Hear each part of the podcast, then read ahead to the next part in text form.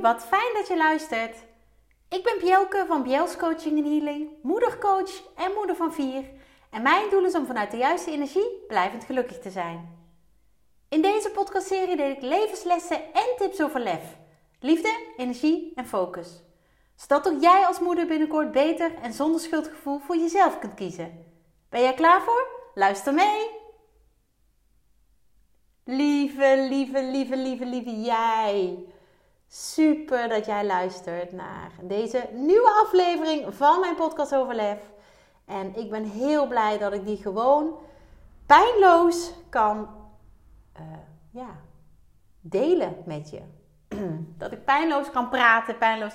En dus nu denk je misschien, waar heeft ze het over? Nou, vorige week was ik namelijk op dit moment nog op skivakantie. En um, die skivakantie, daar keken we ontzettend lang naar uit. We zijn twee jaar door uh, corona niet gegaan. Um, de ene keer hadden we zelfs allemaal corona en de andere keer uh, werd het afgeraden om te gaan. Um, maar dit keer was het zover en ja, ook na mijn borstverkleinende operatie had ik groen licht om, om te gaan. En ja, heerlijk. Skiën is echt voor mij een ultieme vakantie. En niet alleen voor mij, ook voor mijn man. dat bleek al tijdens onze eerste date. Uh, daar hadden we het al meteen over skiën. maar ook inmiddels voor onze kinderen. Natuurlijk niet voor de kleine meid van drie, maar wel voor de andere drie. Um, en de oudste heeft zelfs gesnowboard. En die heeft inmiddels, naar eigen zeggen, um, een hekel aan skiers. Zo is dat uh, in, de, in de wintersportwereld. Um, wij skiers, en daar reken ik mezelf toe, hebben een hekel aan uh, snowboarders, want die zitten altijd midden op de piste. En de snowboarders hebben een hekel aan uh, skiers, omdat wij kennelijk, um, uh, ja, waarom ook alweer? Ik moet even terughalen. Omdat we onvoorspelbaar de piste afgaan. Nou, prima. Zal voor allebei wat te zeggen zijn. Ik weet het niet, maar onze oudste heeft er voor het eerst gesnowboard en dat doet hij echt super, super goed. Mega trots op hem. En de andere twee hebben ook heerlijk geskiet in klasjes op hun eigen niveau. En ja, weet je, ik, ik vind het heel mooi en ik ben heel dankbaar dat ik dit samen met mijn man onze kinderen kunnen, uh, kan doorgeven. Um, ik heb het zelf ook uh, van mijn ouders als kind meegekregen en daar ben ik ze nog steeds heel, heel, heel erg dankbaar voor. Sneeuw doet gewoon iets met me. En sneeuw doet heel veel met kinderen. En dat merkte ik wel toen onze driejarige dochter um, afgelopen week sneeuw zag en daarin wilde zitten en liggen en rollen. En het is zo mooi. Ik heb niks met zand. Want misschien denk je, ja, dat kun je ook in zand. Ik heb niks met zand, maar wel met sneeuw. En uh, zo heeft ieder, uh, ieder zijn ding.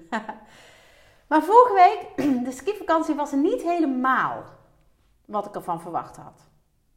En dat kwam door een hele ongelukkige geval. Wij hadden het uh, van tevoren zo geregeld dat, um, omdat wij van skiën houden, dat mijn man en ik, Bart en ik, inmiddels weten jullie wel dat hij Bart heet. Um, dat wij samen uh, zouden skiën ook. Want onze kleinste meid um, doet dat nog niet. Volgend jaar hopelijk wel. Maar dan moet er iemand bij haar blijven, logisch. Uh, ze kan niet alleen achterblijven in het hotel.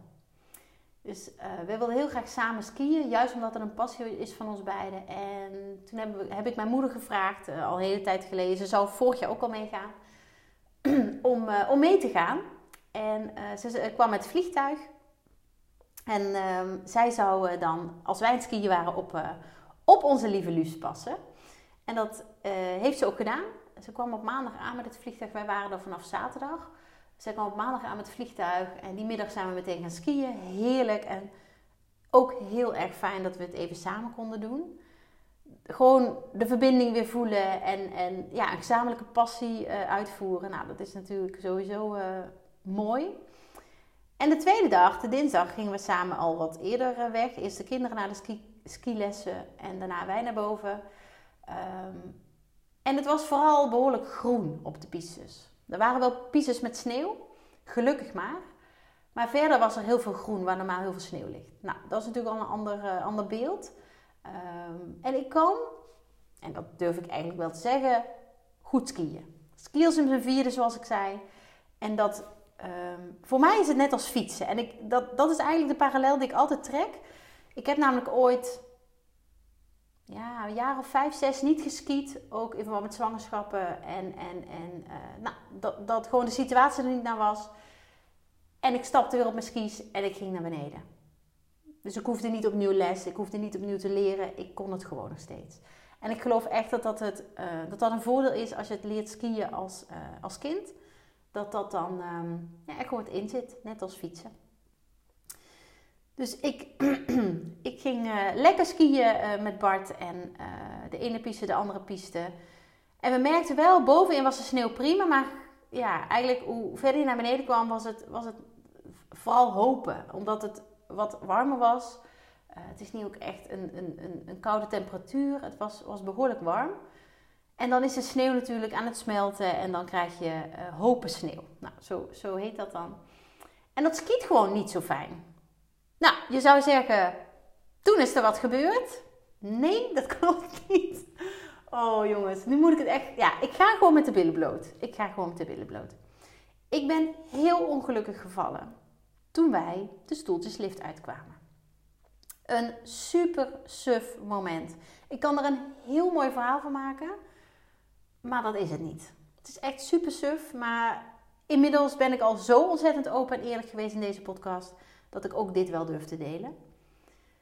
Wij zaten met z'n tweeën in een vierpersoons stoeltjeslift. Ehm, mijn man zat rechts, Bart zat rechts van mij en uh, ik links van hem natuurlijk. En ik zag onderaan het, het heuveltje waar wij af moesten uh, skiën om richting de piste te gaan, zag ik een bordje wc naar rechts staan. En ik riep dat naar Bart in de beleving dat hij het ook hoorde. Ik zei, ik ga even, of ik riep dat, ik zei dat, want hij zat naast me. Ik zei, ik ga even naar, naar de wc. Dus hij, ja, als je een beetje een beeld bij een stoeltjeslift, dan, uh, dan weet je wat ik, uh, wat ik nu ga, ga vertellen. Hij skiet uit het stoeltje rechtdoor en ik ski uit het stoeltje iets naar rechts. En op een of andere manier raakt mijn ski zijn ski. Ik heb het niet eens gezien.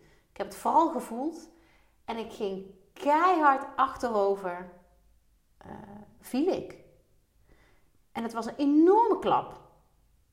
Dat weet ik wel nog. Gelukkig zat er niemand achter mij in het stoeltje. Uh, in, in, in, in de lift. Want anders had ik die persoon misschien ook nog wel bovenop me gehad. En ik lag heel ongemakkelijk. Mijn uh, benen uit elkaar, uh, skis nog op de piste of op de sneeuw. En mijn knieën in een bepaalde hoek. En ik lag gewoon op mijn rug. En ik had ook keihard met mijn helm, gelukkig droeg ik die, mijn helm op de sneeuw geland. En ik had echt een momentje dat ik dacht, wow, wat gebeurt er? Nou, toen wilde ik overeind komen en toen merkte ik dat ik last had van mijn rechter, um, ja, rechterbeel, uh, heup, um, onderruggebied. Dus nou, met veel moeite, met twee stokken, want Bart was inmiddels het heuveltje af en dan kom je niet zo snel meer met je skis omhoog. Dus ik zei, nee, lukt wel, ik kom wel omhoog. Nou, veel gedoe, kwam ik omhoog. En toen merkte ik al bij het staan, hmm, dat voelt niet zo lekker. Maar goed, ik kon staan en ja, ik had gewoon, ik dacht, ik heb gewoon mijn spieren geraakt. Ik had inmiddels wat hoofdpijn gekregen vanwege de val op mijn hoofd. Ik dacht, ik ga even naar het toilet. Um, en dan kan ik daar ook even goed kijken of ik al een blauwe plek heb of wat dan ook. Nou, daar uh, naar het toilet gegaan. Geen blauwe plek te zien. Maar wel inwendige pijn. Een soort, ja, uh, zeurende pijn. Een soort vervelende, nare druk. Maar goed, ik kon nog lopen, dus ik dacht, het zal wel. En ik ben, um, ja, ik ben gewoon gaan verder skiën. En dat was misschien niet zo'n goed idee, want bij elke bocht die ik maakte, had ik geen controle over mijn rechterski. En dat was ook de kant waar ik op gevallen was, keihard. Dus dat was wel heel vervelend. Uh, het was niet erg genoeg om uh, uh, het alarmnummer te bellen of wat dan ook. Maar het voelde gewoon niet fijn. Ik ben toen nog een uur lang alle afdalingen naar beneden gaan doen. Het was inmiddels heel erg mistig. En um, ja, het was heel mistig. Je zag ook bijna niks. Dus het was echt een beetje op gevoel skiën. Met een flapper in de rechterski. Want dat is hoe ik het ervaren heb. Ik kreeg maar niet de controle. Omdat ik vanuit mijn heup, vanuit mijn uh, uh, bilspier geen kracht kon zetten. Nou, uiteindelijk beneden, na uh, ja, hoop, um, ik zal niet zeggen vloeken, want dat heb ik niet gedaan, maar ik dacht wel, potverdrie. Wat is dit?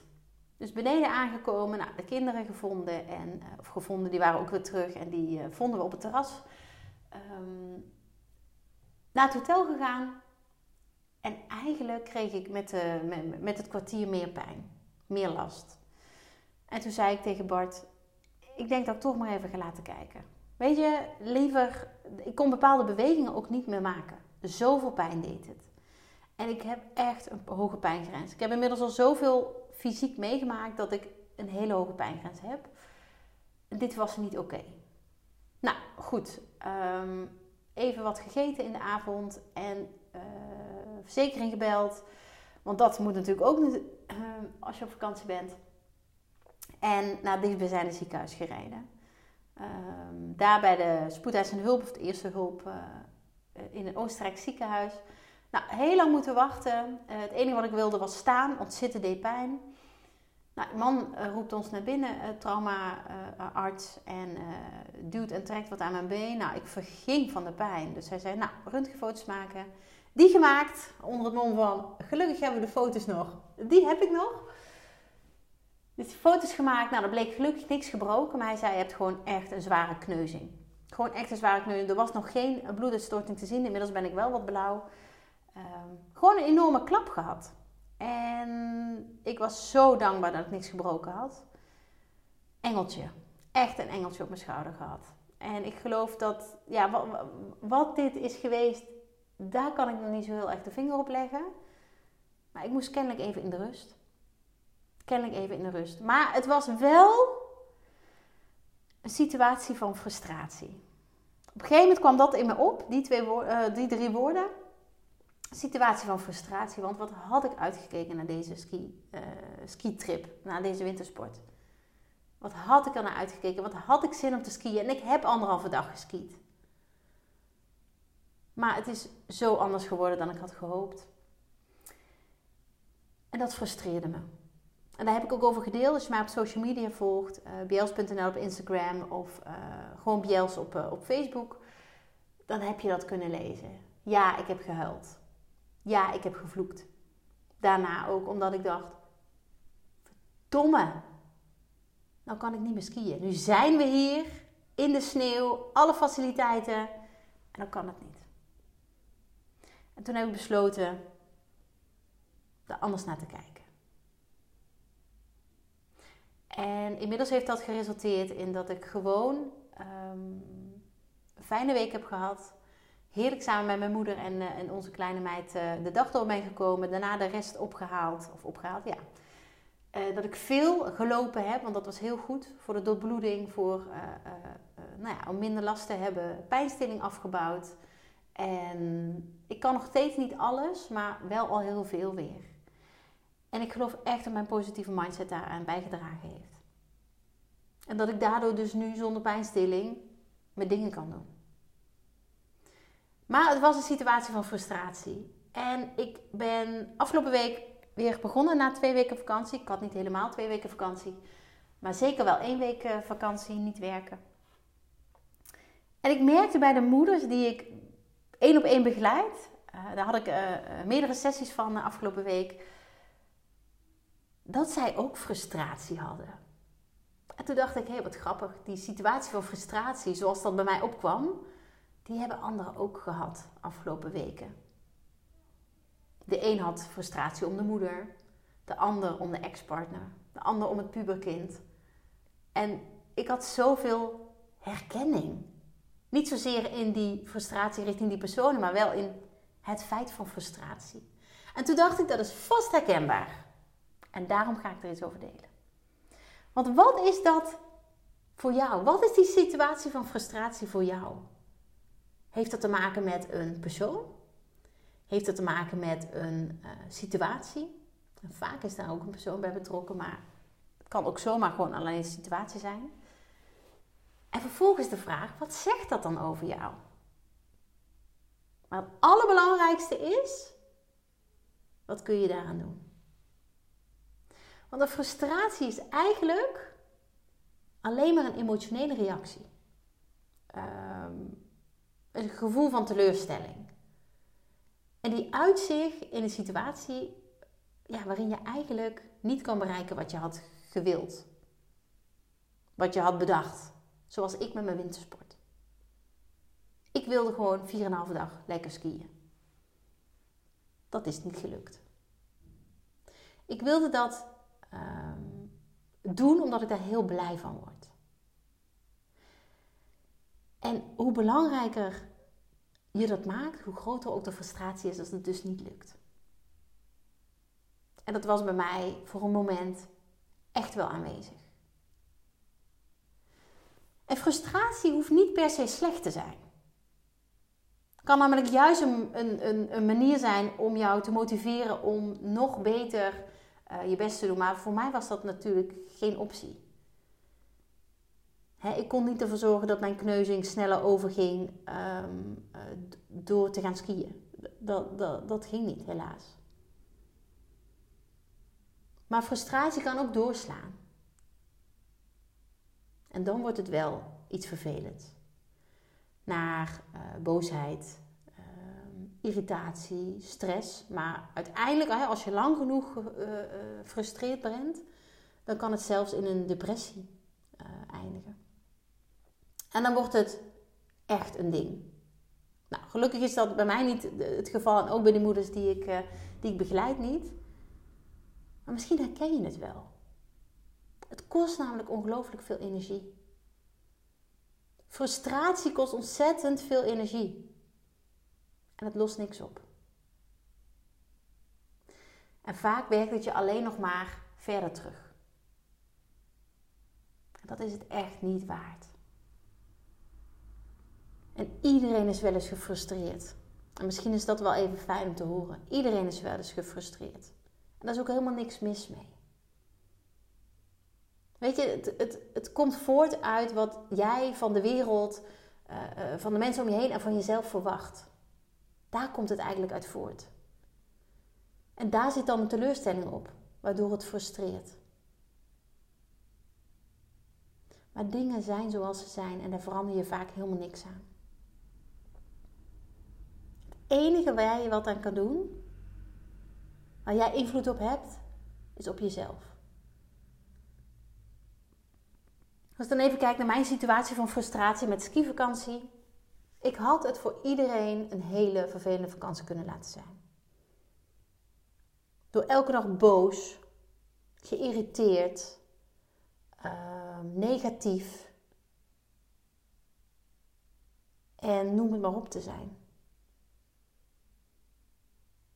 Maar wat heb ik daaraan? En wat hebben mijn moeder, mijn man en mijn kinderen daaraan? En dit is echt een shift die je in je hoofd moet maken, hè? die je kunt maken. En natuurlijk heb ik gebaald als een stekker. En ik heb gehuild even heel hard.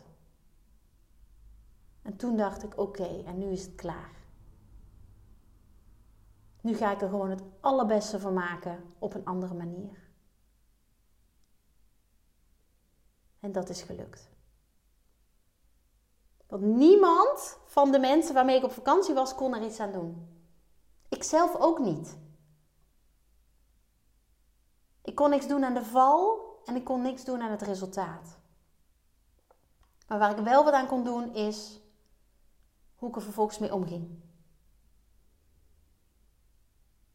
En dat is even mijn situatie van frustratie, maar ook als je het hebt over de situatie van frustratie waar anderen bij betrokken zijn. Weet je, jij kan die ander op dat moment niet veranderen. Het enige wat jij kan doen is kijken naar, oké, hoe ga ik ermee om? Als, als je moeder of je ex-partner of, of, of een vriendin je al opeens allemaal verwijten maakt. Misschien omdat die persoon niet gelukkig is, omdat die persoon uh, worstelt in het leven. En er zit altijd een oorzaak achter. En dan kun je, jou, dan kun je jezelf door laten beïnvloeden. Dan kun je die situatie van frustratie kun je heel groot laten zijn. Maar je kunt ook bedenken: hé, hey, die persoon heeft het zwaar. Maar het is niet reëel, of niet, uh, nee, reëel is niet het woord. Het is niet fair om dat bij mij neer te leggen. En dan kun jij je houding veranderen. En daardoor de frustratie bij jezelf stoppen. Jij bent niet verantwoordelijk voor die frustratie van die andere persoon. Weet je, die persoon kiest ervoor om zo negatief in het leven te staan. Als dat uh, op die manier denken nog niet mogelijk is voor je, dan is het belangrijk dat je eerst alles eruit gooit. Doe dat door te schreeuwen, door te huilen, door te stampen, door te. Um, stampen bedoel ik op de vloer, hè? niet tegen iemand aan. Te slaan in een kussen, dat heeft mij gedurende mijn uh, zware burn-out ook gigantisch geholpen. Ik was namelijk heel boos op mijn ex-partner. Wat er allemaal was gebeurd. Ik heb geslagen, uh, geslagen in een kussen. Heel hard geslagen. En het was zo fijn om dat te doen. En als dat kwijt is, kun je wel vaak die, uh, die shift in gedachten maken. En ook hierbij geldt, en dat is heel cliché en misschien denk je rot op, maar juist als het je zo raakt, wat ik zo meteen ga zeggen, dan mag je er wat mee. Ik weet het, ik ben niet altijd leuk, ik ben heel confronterend soms. Maar wees het voorbeeld, wees de verandering die jij bij andere mensen wil zien. En niet door te praten, niet te preken of te schreeuwen of wat dan ook. Maar kies dan voor: oké, dit is niet wat ik wil. Ik kies voor de weg van liefde. Ik kies voor de weg van me goed voelen. Ik kies voor de weg van blij zijn met wat ik heb. Kijken naar wat ik wel heb. Weet je, en laat de anderen worstelen met hun eigen negativiteit.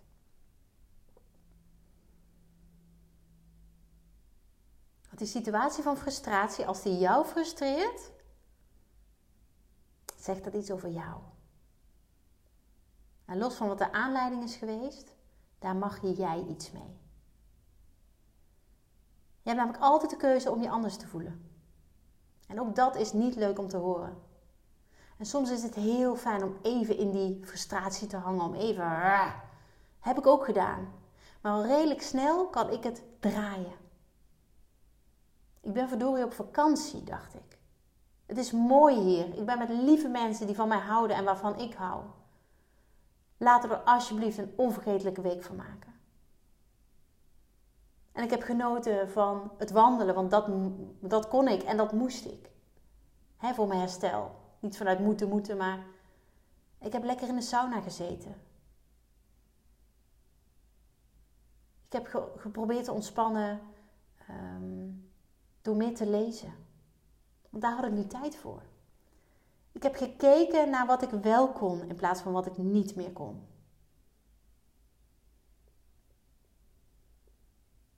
En dat heeft mij gigantisch geholpen. En dat heeft mij ehm, ook doen inzien dat waarmee je ook te dealen hebt, dat het altijd mogelijk is om het te draaien. Al was het maar die dikke knuffels die ik kreeg van onze kinderen. Toen ik me even rot voelde.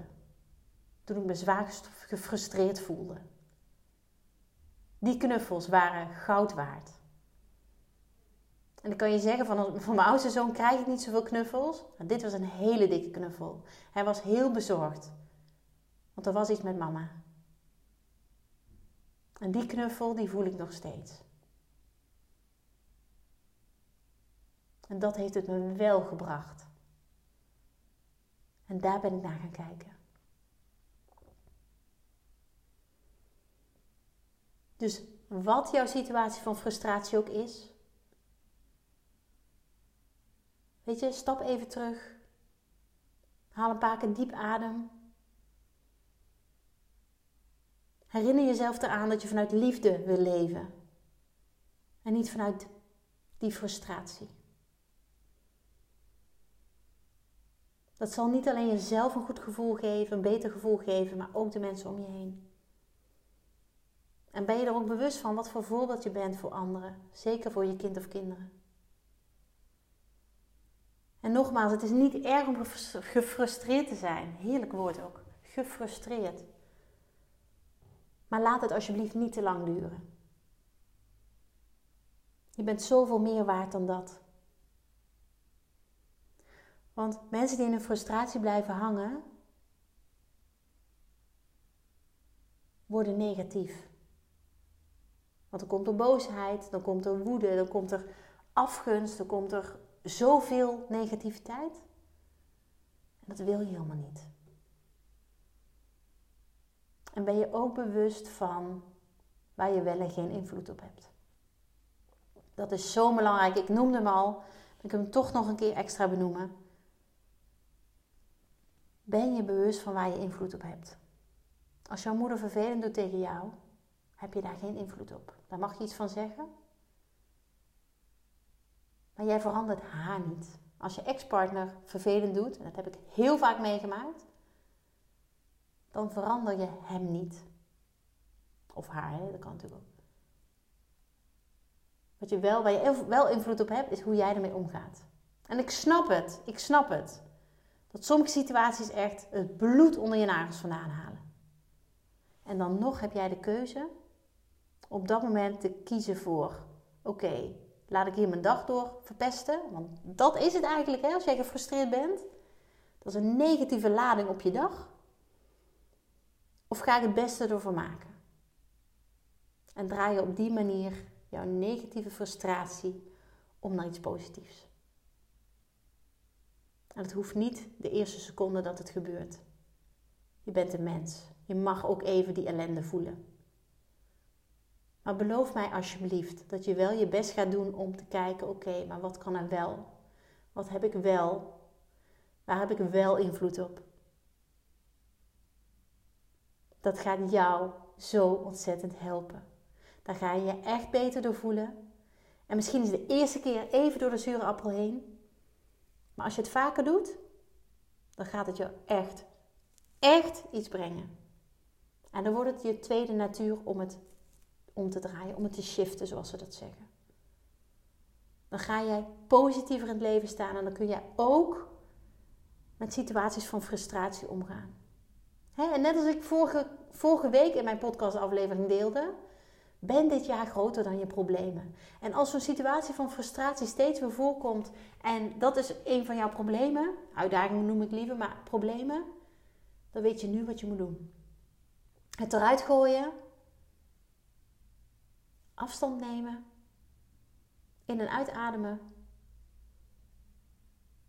bedenken waar heb ik invloed op en waar niet. En gaan omdenken. Wat heb ik wel? Wat kan ik wel? En dan gaat een wereld voor je open. En die gun ik jou zo. Die gun ik jou zo. Dus maak er het aller, aller, allerbeste van. Want je hebt zoveel zelf in de hand. Dankjewel. Dankjewel voor het luisteren. Dagelijks inspireer ik honderden moeders om met lef te leven. Dit doe ik niet alleen via deze podcast. Je kunt je ook gratis aanmelden voor de Club van Moeders met Lef. Hierin deel ik praktische tips, geef ik inspirerende workshops en wekelijks live sessies en coaching. Zodat jij meer balans ervaart, meer rust in je hoofd krijgt, vaker me-time neemt en dit alles zonder schuldgevoel. De club is een superleuke groep met gelijkgestemde moeders waarin ik wekelijks live ga. Hierbij deel ik tips, meditaties en kaarttrekkingen. En als lid van de club krijg je ook nog korting op mijn live events. Dat gun ik iedere moeder, dus jou ook. Join de club en ontdek hoe jij, net als de andere moeders, met meer lef kunt leven, zodat je meer kunt gaan genieten. Ga naar bjels.nl slash club en meld je aan. Ik heet je graag van harte welkom. Nogmaals, dankjewel voor het luisteren en heel graag tot de volgende keer.